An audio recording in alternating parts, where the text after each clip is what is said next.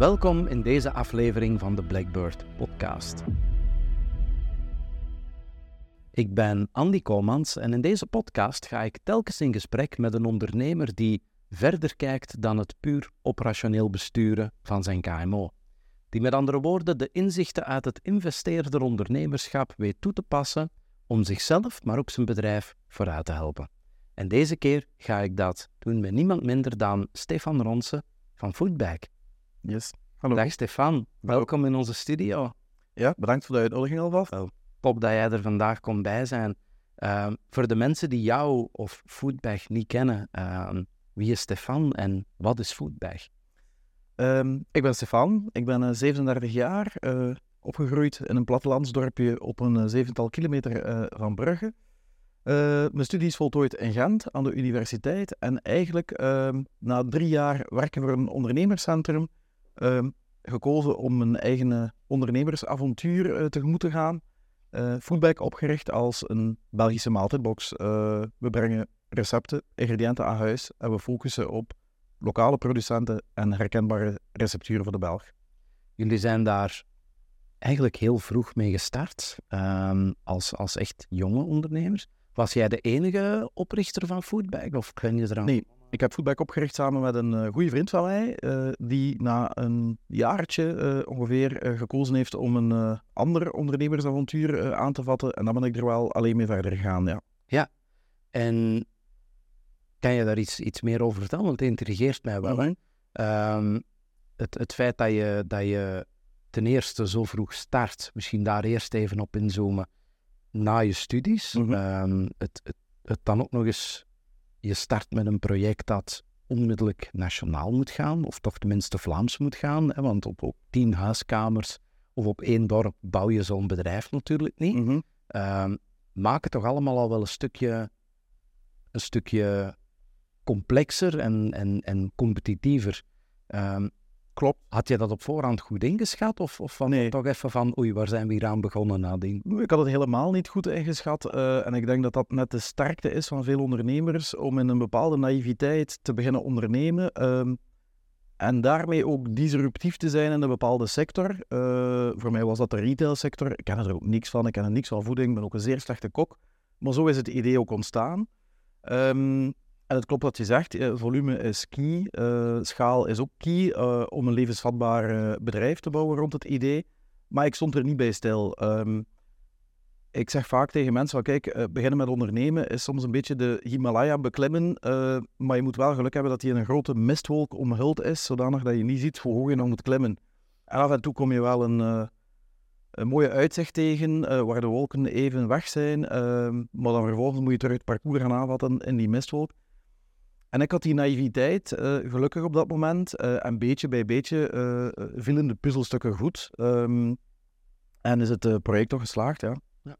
En, en is dat dan ergens, een, als je er iets over kan vertellen, ook het, het, misschien het feit dat die wolk even wegging, het moment waarop dat jouw vernoot aan zei van, goh, misschien is dit toch niet echt iets voor mij? Of, of... Het is natuurlijk een moeilijk moment. ehm, en ik denk een, een onderneming starten met weinig kapitaal. Want laat ons dat duidelijk zijn, eh, Foodback is ontstaan met 200, 300 euro spaarcenten eh, die we op dat ogenblik hadden. Ehm, is vrij intens, eh, omdat je eigenlijk continu die bedrijfsorganisatie ehm, en processen bijstuurt met de eerste marge die je maakt. Dus je moet eigenlijk continu die organisatie gaan aanpassen. Eh vergt heel veel energie. Ehm, en ik denk op dat ogenblik eh, dat het normaal is dat eh, als je twee founders hebt, eh, er eentje zegt van oké, voor mij hoeft dit op dit moment niet, ik heb andere prioriteiten. Ehm, zo zijn onze wegen toch professioneel gesplitst. Ehm, op dat ogenblik zijn er wel twee business angels aan boord gekomen. Dat was de eerste stap, ook naar verdere personalisering van de organisatie. Ja. Wel, want dat is, ik vind dat ten eerste mooi dat, dat, dat je als founders op een bepaald moment die beslissing kunt nemen. Hè? Want, want Mhm. heel vaak zie je dat, dat, dat die beslissing te laat genomen wordt. En dat is misschien de reden dat ik er ook even op wilde inzoomen. Je Mhm. ziet dan heel vaak dat, dat men toch maar probeert om het te laten werken, Mhm. tot op het moment dat er bijna niet meer gesproken kan worden, terwijl je hebt als genoten er alle baat bij dat je dat op, op het juiste moment, terwijl je nog professioneel met elkaar aan tafel kunt zitten, dat je dat ook correct kunt En je hebt van een, een, een, een challenge dan eigenlijk een opportuniteit gemaakt. Want ja, als ik dat even bekijk, zoals dat dan voor mij eruit ziet achter de schermen, er is een vennoot die moet uitgekocht worden en dat creëert dan weer de opportuniteit om twee business angels aan boord te halen, die waarschijnlijk ook wel de centen op tafel hebben gelegd om de vennoot uit te kopen en de verdere groei een stuk mee te gaan financieren. Klopt, ja. En om die eerste, of ah, uh, we hadden op dat ogenblik reeds een mooie klantenbestand, maar om toch uh, ergens die fundamenten uh, van die organisatie te gaan professionaliseren en die volgende stap te gaan zetten. Ja. Dus op dat ogenblik, en het is vaak zoals ondernemer, uh, je zet twee stappen vooruit, eentje achteruit. Ehm, maar aan koer de route komen die puzzelstukjes wel bij elkaar terecht. Ja. ja. Ja, en was dat initieel, ik kan me voorstellen, je zei daar, daar straks al, ja, we zijn dat gestart met 200, 300 euro spaarcenten en, mm -hmm. en dan vooral veel naïviteit en, en, energie en inspanning te leveren. Ja, op, op dat moment ga je op voorhand nog niet het plan gehad hebben, neem ik aan, van we moeten hier uh, angel investors gaan aantrekken. En was dat voor jou, oké, het, zal, het zal een puzzelstuk geweest zijn dat op die moment logisch viel, maar toch was dat voor jou ergens een, een, een, moeilijke stap om te nemen? Want je gaat wel ineens van een, van een vernoot die je kent, die mee aan de wieg stond, ineens komen daar vreemde kapitaalverstrekkers in uw bedrijf. Uh, heel vaak speelt daar toch wel het idee van, ja, maar dan moet ik ineens verantwoording gaan afleggen die niet elke dag mee op de vloer staat. Mm -hmm. Hoe ben je daarmee omgegaan? Klopt, uh, ondertussen hebben we al een aantal van die stappen gezet, want er zijn daarna nog andere uh, nieuwe aandeelhouders aan boord gekomen. Um, en inderdaad, telkens uh, op het moment waar je, waarop je dergelijke stap uh, zet of gaat zetten, heb je inderdaad uh, wat ik een beetje het zwarte gat syndroom noem. een bepaalde schrik, een vrees. want ja, als mens en ook als ondernemer um, ben je al, altijd een beetje gewoon aan het gewoonlijke. Ja. Dus je voelt je vertrouwelijk bij een bepaalde situatie. Maar eigenlijk ben ik er me wel van bewust als ondernemer dat je net die stappen moet zetten. En dat voelt een beetje onnatuurlijk aan. Um, maar in die end um, is het de middellange of lange termijn die telt. Um, en daar moet je even objectief en rationeel over nadenken. En dan ben je uh, toch wel zeker dat je die stap moet zetten. Al komt daar altijd een stukje stress, vrees en angst bij kijken. Nu, voor mij is het wel heel belangrijk om altijd goed te weten met wie ik in zee ging. Yeah. Daar op voorhand ook voldoende gesprekken mee te hebben een stukje strategie, uh, maar ook waarden en normen goed af te toetsen op voorhand. Ja. Um, en dat maakt het toch allemaal wel iets uh, makkelijker. Ja, ja. ja want, want ik wou net te vragen, je hebt dit al een paar keren gedaan, hè, want Foodbag heeft al verschillende kapitaalrondes gedaan. Mm -hmm. um, ik, ik, merk één dat dat een, een, verhaal is dat bij veel ondernemers een bepaalde angst inboezemt. Maar twee, oké, okay, als die een angst ene keer weg is, ja, wat is dan het, het heilige receptuur, als ik het zo mag mhm. noemen, om de juiste investeerder aan boord te mhm. halen. hè? Want het blijft toch wel ergens een verhaal van, ja, het is een beetje gelijk daten en dan samenwonen. Hè? Klopt. Uh, ja. je, ziet, je ziet elkaar alleen maar met de mooiste tenue en de schoonste make-up. En, maar terwijl dat gaan daten zijn, zie je nog niet de vuile was die overal blijft liggen en, en noem maar op. Uh, hoe bewaakt je dat? Of hoe, hoe tracht je toch wel ergens die die zekerheid voor jezelf te creëren. Want mm-hmm. eens dat een investeerder zich inkoopt, ja, men zegt dat wel eens, hè, VC is a boss you can hire but never fire. Mm-hmm. Hè, tenzij dat je closed-end mm-hmm. werkt en op een bepaald moment er een, een gepreorganiseerde uitstap moet gebeuren. Maar eens dat die beslissing genomen is en die aandelen zijn verkocht, zit je er wel mee. Hè? Klopt, maar dat is natuurlijk wel met meer keuzes die je maakt in het leven. Dat een keer dat je ze neemt, dat je ermee zit. Uh, uh, ja, bij mij is het altijd op een zeer natuurlijke manier verlopen. Want daarnet hadden we het even over die, die angst of die stress die je wel altijd hebt bij het zetten van die stap. Um, ik heb altijd voor mezelf gezorgd dat ik voldoende afstemmingsmomenten vooraf had, zodanig dat ik goed kon inschatten, oké, okay, met welke partij ga ik hier in, in, in zee? Uh, of, of men zegt ook zo zijn, met welke partij gaat een stukje trouwen, professioneel dan? Hè? Ja. Zo is het ook. Um, en ik heb er altijd goed bij gevoeld. Nu, zolang dat een business goed gaat, hebben ze vaak ook geen problemen. Uh, wij hebben ergens wel het geluk gehad dat de business tot nu toe altijd goed uh, uh, verlopen is. Um, maar oprecht um, heb ik wel mijn beeld over investeerders moeten bijsturen. Um, in het begin ja, negen jaar geleden had ik toch eh, de indruk dat dat mensen waren die een stropdas met een, vooral naar grafieken en Excels keken. Maar eigenlijk heb ik leren, uh, on, de route wel geleerd dat het ook vooral mensen zijn um, die ook bepaalde waarden en normen hebben. Um, en die, als je daar een fit mee hebt, eigenlijk een zeer grote toegevoegde waarde voor u als ondernemer en voor de organisatie kunnen betekenen. Ja. En dan in die end komt het er een stukje op neer, denk ik. en als ondernemer moet je op dat moment wel die vraag stellen. Eh, liever een klein stuk van een grote taart dan een groot stuk van een kleine taart. En ik denk dat dan kapitaal, en het is niet enkel kapitaal, maar het is kapitaal, netwerk, know-how, um, kunnen bijdragen om die taart groter te maken. Ja. en vaak zelfs in de omgekeerde volgorde. Hè? Ja, uh, want ik denk als het enkel over kapitaal en centen gaat, ja, tracht het dan in de eerste plaats met een financiering op te lossen. Um, ik, ik hoor dat heel vaak mhm. van ondernemers die mm -hmm. zeggen van ja, ik heb, ik heb gekozen om een investeerder geld is vaak hetgene wat, wat pas helemaal op het uiteinde. Hè. Ik denk onlangs dat ik nog een ondernemer hoorde vertellen die een private equity fonds aan boord had gehaald. En mhm. die zei van ja, eigenlijk we hadden de centen op die moment mm zelfs niet nodig. Mhm. Maar het was omwille van die professionaliteit en hun ervaring in het overnemen van andere bedrijven, dat ik met hun ben beginnen samenwerken. En ik denk dat dat een vraagstuk is. Dat kun je op voorhand denk ik nooit inschatten. Dat zullen dan die wolken rond dat Himalaya-gebergte zijn. Ja, maar je weet wel welke parcours je wilt afleggen. Ja. Uh, grosso modo weet je welke richting je uit wil. Ehm, ja, en dan heb je, om in de Himalaya-termen te blijven spreken, soms een aantal Sherpas nodig om u uh, mee te begeleiden, om die tocht op een goede manier af te leggen. Ja. Uh, en laat dat dan de investeerders zijn die u in uw tocht die je nodig hebt om, om uw doel te bereiken. Ja. Absoluut.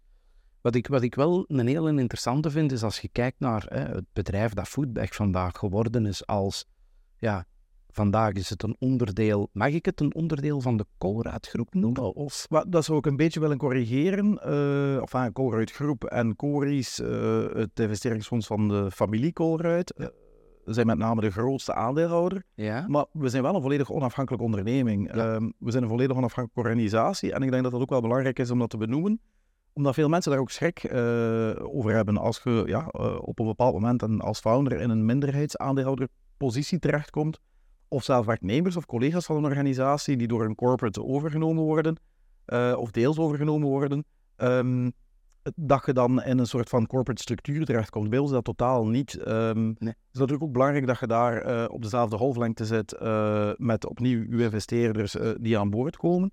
In deze dan een stukje Colruyt Groep rechtstreeks. Um, maar ik denk dat alle partijen er alle belang bij hebben om dat uh, als een autonome uh, organisatie te blijven aanzien. Uh, en dat voelt ook zeer goed aan op die manier. Ja.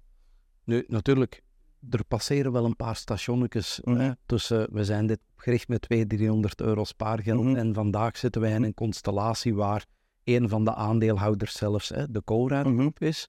Um, ongetwijfeld ga je die groei nooit op voorhand perfect hebben kunnen uitlijnen. En waarschijnlijk ga je daar gelijk vele ondernemers in een situatie zitten. Als ik eh, zou zeggen, moest je zoveel jaar geleden geweten hebben wat het bedrijf nog ging doen, dan had je jezelf dat waarschijnlijk nooit voorgesteld. Mhm. Toch, die constellatie in die groei verandert wel. Mhm. Ehm, ik denk dat je wel een goede notie moet gehad hebben van in welke markt dat je start. Hè? Want um, uiteindelijk in, in, in eenvoudige, door, eh, kort door de bocht genoemde term, jullie brengen maaltijdboxen aan huis. Mm ik denk dan direct aan namen zoals een HelloFresh. Um, een markt waarin een aantal zeer grote spelers geïdentificeerd zijn. Um, waar dat jullie denk ik in het begin ook een stukje wel de, de lokale challenger van waren, zeg ik mm dat juist? Ja, nu uh, op het ogenblik dat wij opstarten in België was HelloFresh eigenlijk nog niet actief uh, in België. Het is een Duits bedrijf die wel op de Nederlandse markt actief was. Er was een andere speler actief, Smartmat. Eh, dan trouwens ja. een speler waar we later dan mee gemerged zijn. Um, ik had altijd wel een, een, een, een doel voor ogen. En inderdaad, binnen ondernemerschap bestaat er geen toverformule of wiskundige formule. Ik zei altijd, mocht die er bestaan, dan zou iedereen ondernemer zijn.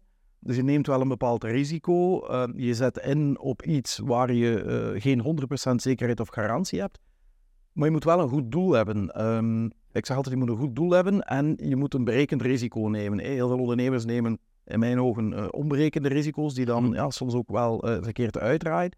Ik vind altijd dat je berekende risico's moet nemen als ondernemer. Ehm, en ik zag hier inderdaad een grote opportuniteit om in die markt eh, actief te worden van de belevering van voeding of verse voeding aan huis. Ja. En hoe is dat ontstaan? Ja, dat is vanuit mijn eigen leefwereld ontstaan. Ik vind het echt ehm, verschrikkelijk om naar de supermarkt te gaan, ehm, om daar tijd te verliezen. Eh, ik ben ook een heel slechte kok. Eh, en vanuit die eigen ervaringen is het idee eigenlijk ontstaan. Ja. En dan uiteraard in een eerste desk research fase eh, gezien dat dat idee al bestond, door onder andere HelloFresh, Duits, Duitsland, Nederland, Marley Spoon ook Duitsland, Nederland. Trouwens de twee grootste bedrijven ter wereld momenteel. Maar in mijn ogen maakte die ene grote fout. Um, en dat is, het, het, het enfin, uh, dat is dan uiteindelijk onze positionering geworden, om echt te gaan focussen op die lokale identiteit. In mijn ogen um, is voeding echt iets lokaals, um, zowel op smaak als op kwaliteit van ingrediënten. En dat is waar we met Foodback nog altijd op dag van vandaag echt op hameren. Om op die twee recepten en producten uh, de Belgische maaltijdbox te zijn. Dus ik vind dat heel mooi dat je dat benoemt, want ik denk dat dat iets is dat heel veel ondernemers te weinig doen. Hè. Mm. Je spreekt er over het woord desk research. Mhm. Uh, ik denk dat er te veel ondernemers uit startblokken willen schieten om die berg te beklimmen, maar dat ze beter eerst eens een keer een landkaart nemen en kijken van welke Mhm. platgetreden paden zijn hier, of om dan even binnen deze context te blijven, een goed businessmodel te kneden. En, en ik zie zo vaak ondernemers starten met een bedrijf, om het, om het plat te zeggen, ze gaan naar een accountant, ze, ze starten een onderneming op, ze smijten een sticker op de vitrine en ze zijn vertrokken Mhm. om dan gaandeweg te zien, ja, werkt het of werkt het niet? Of laat, het werkt niet, laat ons nu eens wat verder nadenken over ons Mhm. businessmodel. Ik hoor jou dan vooral zeggen, nee, we zijn direct concurrentieanalyse gaan maken, Mhm. ook buiten de landsgrenzen heen. Daar heel goed geïdentificeerd wat werkt er en dan gezien wat is ons uniek onderscheidend vermogen dat wij erop kunnen creëren. Klopt, ja, klopt. En, en dat bedoel ik dan een stuk met berekende risico's nemen. Je probeert, ja, die wandeling die je gaat maken, of dat avontuur die je tegemoet gaat, zo goed mogelijk uit te stippelen op voorhand, ehm, om het risico te gaan beperken, ja. Had je de, het, het vermarkten van zo'n concept min of meer correct ingeschat in het begin? We gaan zo verder met het gesprek na deze korte advertorial. Quorum is een advocatenkantoor gespecialiseerd in vennootschapsrechtelijke transacties, zoals koopverkoop van aandelen of handelsfondsen, of het structureren van investeringen. Ik ben Sylvie, ik ben partner bij Quorum. Bij het begeleiden van onze klanten in het kader van een transactie proberen we onze klant altijd zoveel mogelijk te ontzorgen. De bedoeling is om de juridische lasten van hen over te nemen, om hen toe te laten zich te blijven focussen op hun core business. Voor mij is het belangrijk om een vertrouwensband te kunnen opbouwen met de klant, om op duurzame wijze een professionele samenwerking te kunnen behouden. M&A is en blijft een people business.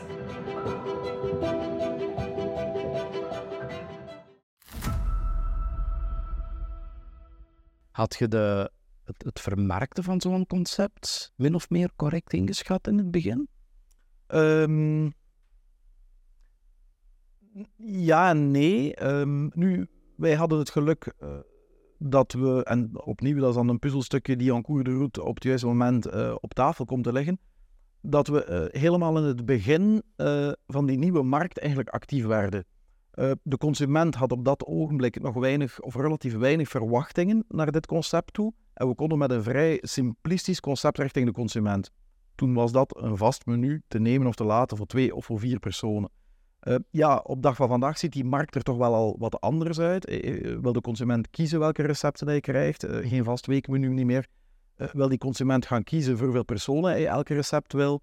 Um, en ook op serviceniveau, in die levering aan huis, heeft, ja, is de basis in de markt al veel groter. Je kan kiezen tussen vier leveringsdagen of vijf bij sommige leveranciers, verschillende tijdsloten om te leveren. Wij hadden daar eens het geluk dat die, um, die basis in de markt er nog niet lag, waardoor dat wij met een simplistisch model, met weinig kapitaal, uh, ja. richting die uh, eerste consumenten konden. Um, Was de vraag op die moment al echt bestaande? Nee, uh, nee. Um, toen ik begon aan mensen uit te leggen wat ik ging doen, dan verklaarde die me voor gek. Wat een doos aan huis met ingrediënten en receptenkaart. Ik nooit van gehoord, leg dat nog een keer uit. zelf mijn dichte vrienden en mijn moeder zeiden van, je zit geen volledig zot. Wat gaat hij hier nu gaan doen?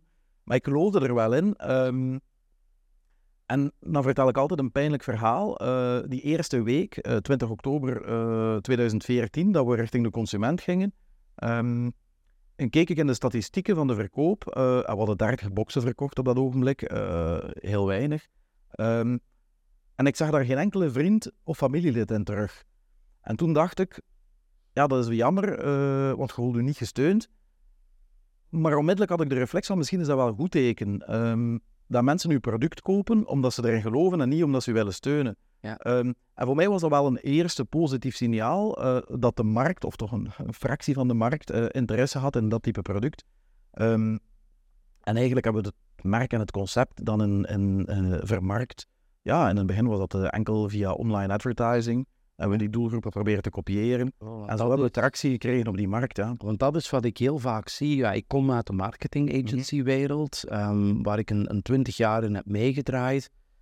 Ik, ik wil het aantal mensen die ik ooit in mijn agency heb zien toekomen met het volgende fantastische business idee.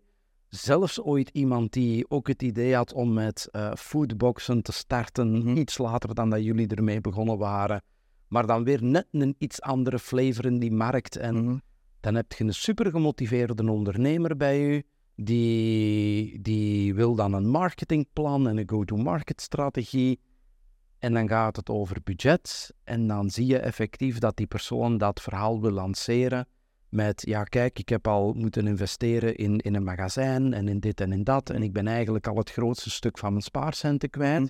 En ik heb er al 50.000 euro in gepompt. En nu is er nog 7000 euro over om aan Facebook-ads te spenderen.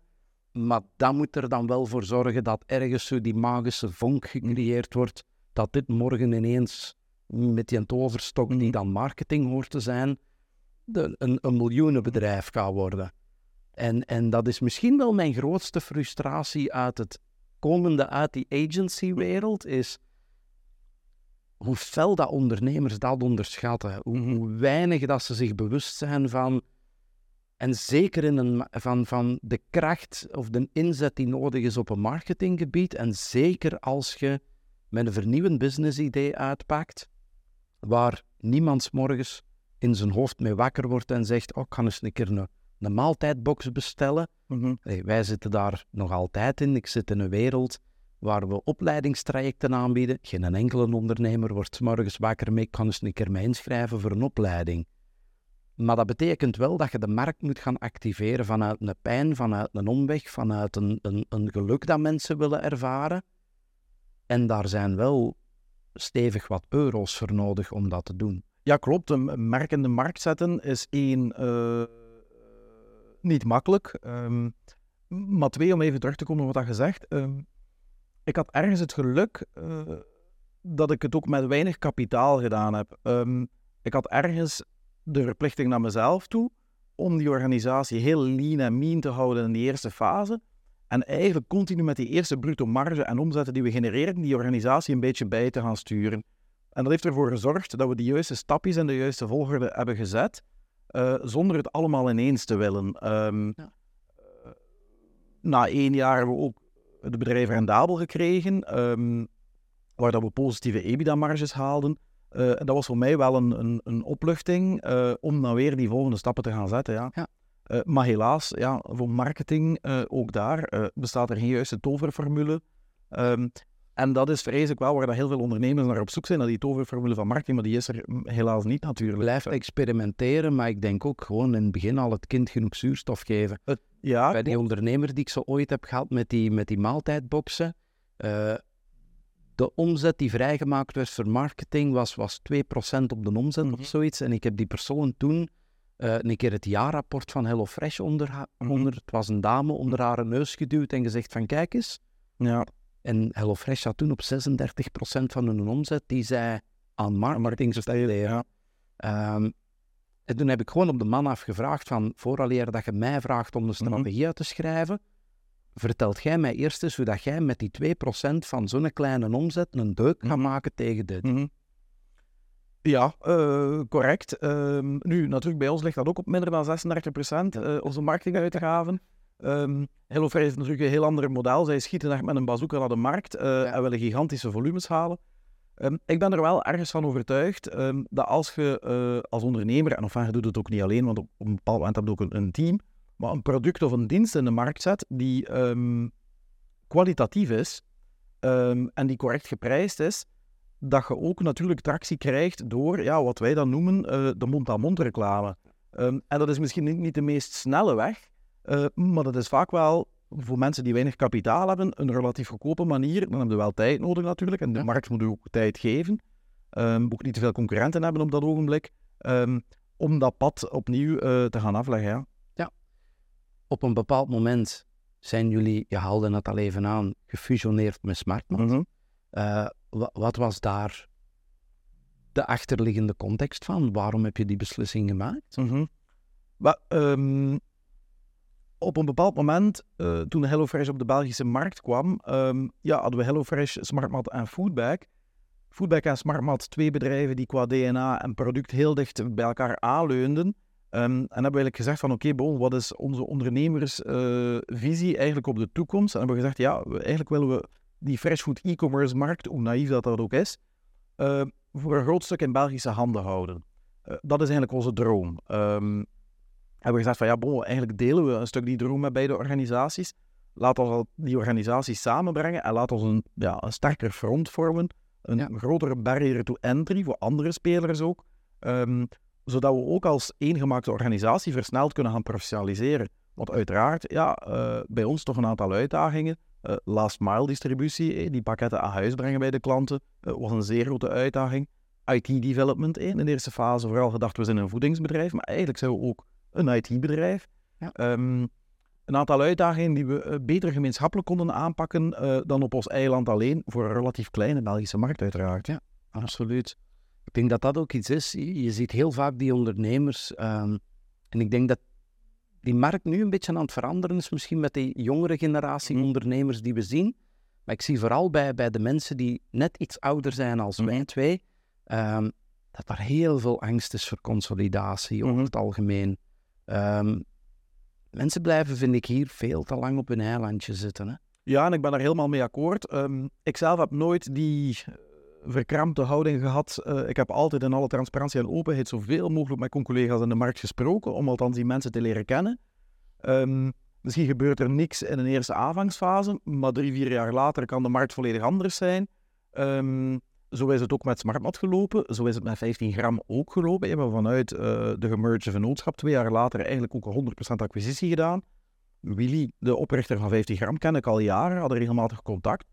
Ja, tot op een punt waarop dat dan ja, uh, het gesprek uh, gefinaliseerd wordt en je ook ja, die vennootschap kunt consolideren. Ik denk dat daar een hele belangrijke learning in zit. Hè? Want het is een beetje de filosofie die ik zelf ook deel, is van ga vroeg genoeg met collega's in de mhm. sector babbelen Stop met elkaar te zien als de vijand mm. en, en zie elkaar misschien eens wat sneller als een, een, een acquisitietarget mm. of een fusiemogelijkheid. Mm. Of op zijn minst een bepaalde synergie misschien wel die je ergens uh, kunt tot stand brengen. Maar dan ga je al met een heel andere attitude aan tafel zitten. Klopt. Meer openheid, minder spierballengerol. Um, en wie weet wat komt daar inderdaad op een bepaald moment wel uit. Klopt, en komt er niets uit, ja, dan ken je elkaar en, en, en doe je elk je ding toch nog op je eiland. Maar who knows, wat gebeurt er binnen een jaar, twee jaar, drie jaar? Ja. Jij bent vandaag nog aan boord mm -hmm.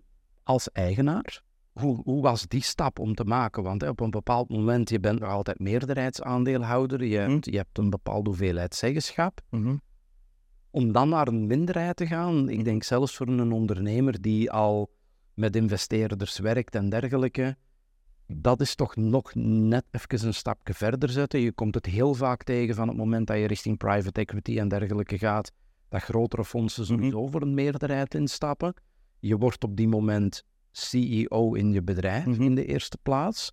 Um, wat is daar vooral voor jou de grote learning geweest aan, aan die shift te maken?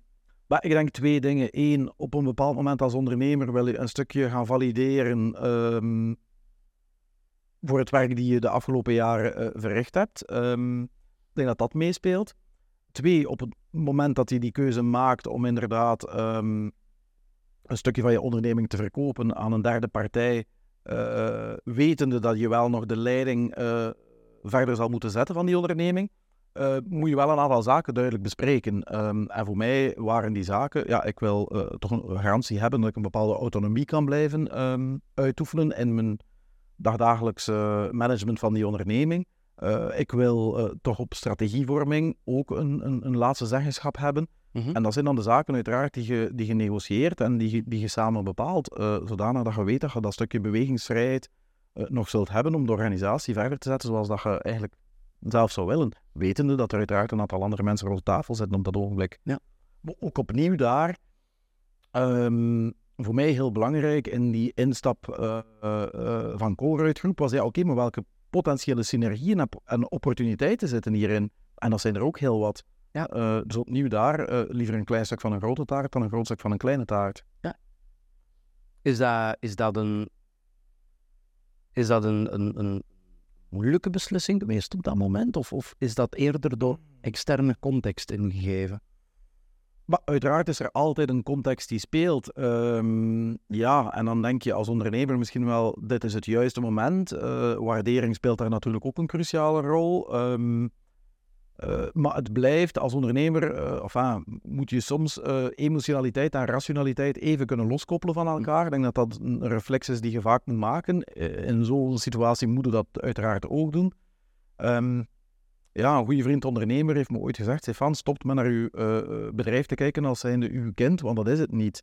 En eigenlijk heeft die de mens wel groot gelijk eigenlijk. Um, maar bon. Het is de inspiratiebron geweest voor de titel van mijn laatste boek, Sell Your Baby. Ah, van stop met het als uw baby te benaderen, want uiteindelijk...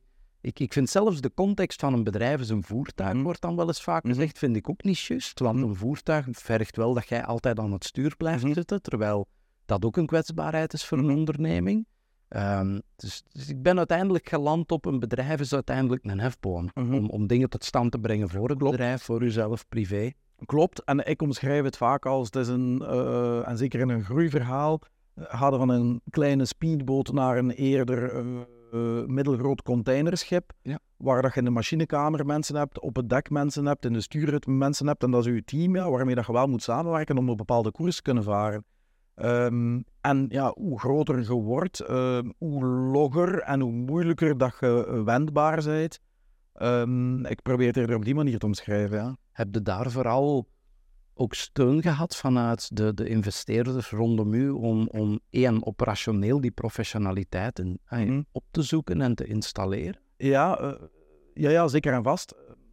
Telkens bij die aandeelhouderswissels uh, die er gebeurd zijn, ja, word je wel als ondernemer gechallenged om een volgende fase uh, in professionaliteit in te gaan. En daar komt natuurlijk weer een heel stukje know-how, kennis en netwerk van uw investeerders bij kijken. Ja, ja. ja, zeker en vast. Ja. Ik hoorde nu daar straks ook nog zeggen, hè, want jullie hebben ook na de fusie met Smartmat, um, jullie hebben een overname mhm. gedaan van 15 gram. Mm ik heb ondertussen ook uh, Rayon ontdekt. Ehm, dus, dus dat is iets dat jullie nieuw hebben opgestart? Of is dat ook een overname gebeurd? Of? Nee, dat is een, um, een business unit die we eigenlijk vanuit de vennootschap gestart zijn. Um, ja, omdat je natuurlijk in een bepaalde context ook nieuwe ideeën wilt aftoetsen aan de markt. ja, om, om op de lange termijn ergens een relevante organisatie te blijven. Ja, ja. Wel, je benoemt het eigenlijk al, want ik, ik merk daar wel dat dat ook zo een, een, een een ziek punt is in mhm. veel ondernemingen, is dat men te romantisch vastklampt aan wat het bedrijf vandaag is. Mhm. Ja, mensen zijn gewoontedieren, maar dat het toch ook wel, zeker in volatiele tijden zoals vandaag, zeker in een digitale omgeving waar jullie in zitten, waar het allemaal zo snel gaat, mhm. ja, die, die, die diversificatie in uw businessmodel steken, mhm. genoeg experimenteren, dat dat toch ook wel een, een redelijk cruciale is. Zeer belangrijk. Um, kans op slagen is niet altijd uh, even groot, denk ik. Um, er zullen ook wel concepten eh, ontspruiten die niet levensvatbaar zijn. Um, maar daar uh, denk ik dat het inderdaad belangrijk is om als organisatie inderdaad zo lean en mean mogelijk te blijven. Dat is moeilijk in een groeifase. Ja. Ik denk dat het ooit chef Bezos was die zei van we moeten eigenlijk altijd in de day one modus blijven. Um, vanaf dat uw organisatie in een day two modus gaat, is dat eigenlijk eh, het moment waar dat je door die andere speedbootjes zult voorbijgestoken worden. Ja. Excuseer. Um, dus zorg dat die ja, start-up mentaliteit um, in uw volledige organisatiestructuur wel behouden kan worden. Ja. ja. Pas op, maakt het wel heftig ook uh, voor ja. mensen in de organisatie, want dingen veranderen heel veel, heel snel. En mensen hebben liever natuurlijk uh, gewoonte en repetitiviteit. Hè. Ja. Maar bon, daar moet dan als ondernemer een stukje de, ja, uh, de drijvende kracht zijn om ja. die vernieuwing te blijven aanzwengelen. Ja. ja, plus ook, ik denk ook wel, naarmate dat je team groeit, je bedrijf groeit, gaat zich dat ook wel een stukje reflecteren in, in het talent dat je één aan boord haalt, Mhm. maar ook de mensen die aan boord blijven. Hè. Klopt. Ja. Ehm, een cultuur die heel fel op die verandering stoelt, gaat automatisch mensen meer betrekken die dat leuk vinden. Ja, geef mij dan toch ook maar liever dat dan dat de enige mensen die aan boord blijven diegenen zijn die nooit eh, een keer hun, eh, hun nietjesmachine aan de andere kant van een bureau gaan zetten, om het zo Nee, nee, klopt helemaal. Ja, klopt. Uh, en dat is natuurlijk ook een belangrijk aspect, dat de mensen die bij je organisatie komen, ja, een stukje uh, mee de waarden en het DNA van die organisatie in zich hebben. Ja. Absoluut. Ja. Jij bent nog altijd heel hard aan de weg aan het timmeren met Mhm. Foodpack. Uh, ondertussen ook de andere zaken die onder de holding zitten. Um, maar wat gaat de toekomst brengen voor Stefan? Goeie vraag. Um, ik, ik krijg heel veel positieve energie om in die day one, die eerste fases van ondernemingen betrokken te zijn. Vandaar heb ik ook heel kleine participaties genomen in een aantal start-ups. Um, daar krijg ik enorm veel positieve energie van. Ook al uh, om het feit dat je eigenlijk leert uh, hoe jongere generaties, en het klinkt misschien een beetje vreemd, um, maar hoe jongere generaties ondernemen, want het verandert zodanig snel dat ik daar ook heel veel kan bijleren. En misschien een klein stukje ervaring, know-how, netwerk ook kan meenemen uh, naar die mensen toe. En die wisselwerking vind ik, vind ik fantastisch leuk op dit ogenblik, ja. Ja, ik denk dat vooral, ja, dat is, dat is raar ergens om mm -hmm. te zien dat je nog niet zo heel lang geleden in die positie zat van mm -hmm. de onervaren jonge ondernemer die zelf op zoek ging naar die know-how en kennis. En, mm -hmm. en hoe snel dat je dat schakelpunt bereikt waar dat, waar dat het ja, uw beurt is hè, to pay it forward, ja. om, om zelf jouw ervaringen te gaan delen met andere jonge ondernemers. Um, ik denk ook dat dat een klik is die, die meer ondernemers zouden moeten Hm. maken, want dat gaat hen tot het verstand brengen dat ze misschien uit, een, uit iemand anders een droom te zien realiseren, wel eens minstens evenveel voldoening kunnen halen als uit het levenswerk dat ze ja, klopt. Zeker en vast. Ja, zeker en vast. Nee, dus dat vind ik een enorm leuke um, wisselwerking. Ja, wat brengt de toekomst? Um, ik probeer ook nog niet op een te ver horizon te kijken. Uh, ik probeer vooral te timmeren aan het pad uh, waar we momenteel aan het timmeren zijn. Oh, super. Ik denk dat dat uh, een, mooie, een mooi perspectief is. De Himalaya is nog niet bereikt. Nee, en dat is natuurlijk een grote desillusie, want uh, gehoopt op een bepaald moment de top te bereiken, maar eigenlijk zullen die helaas nooit bereiken, denk ik. Nee, dat gaat chef Bezos ook vinden over zijn naam. Ja, ja. klopt.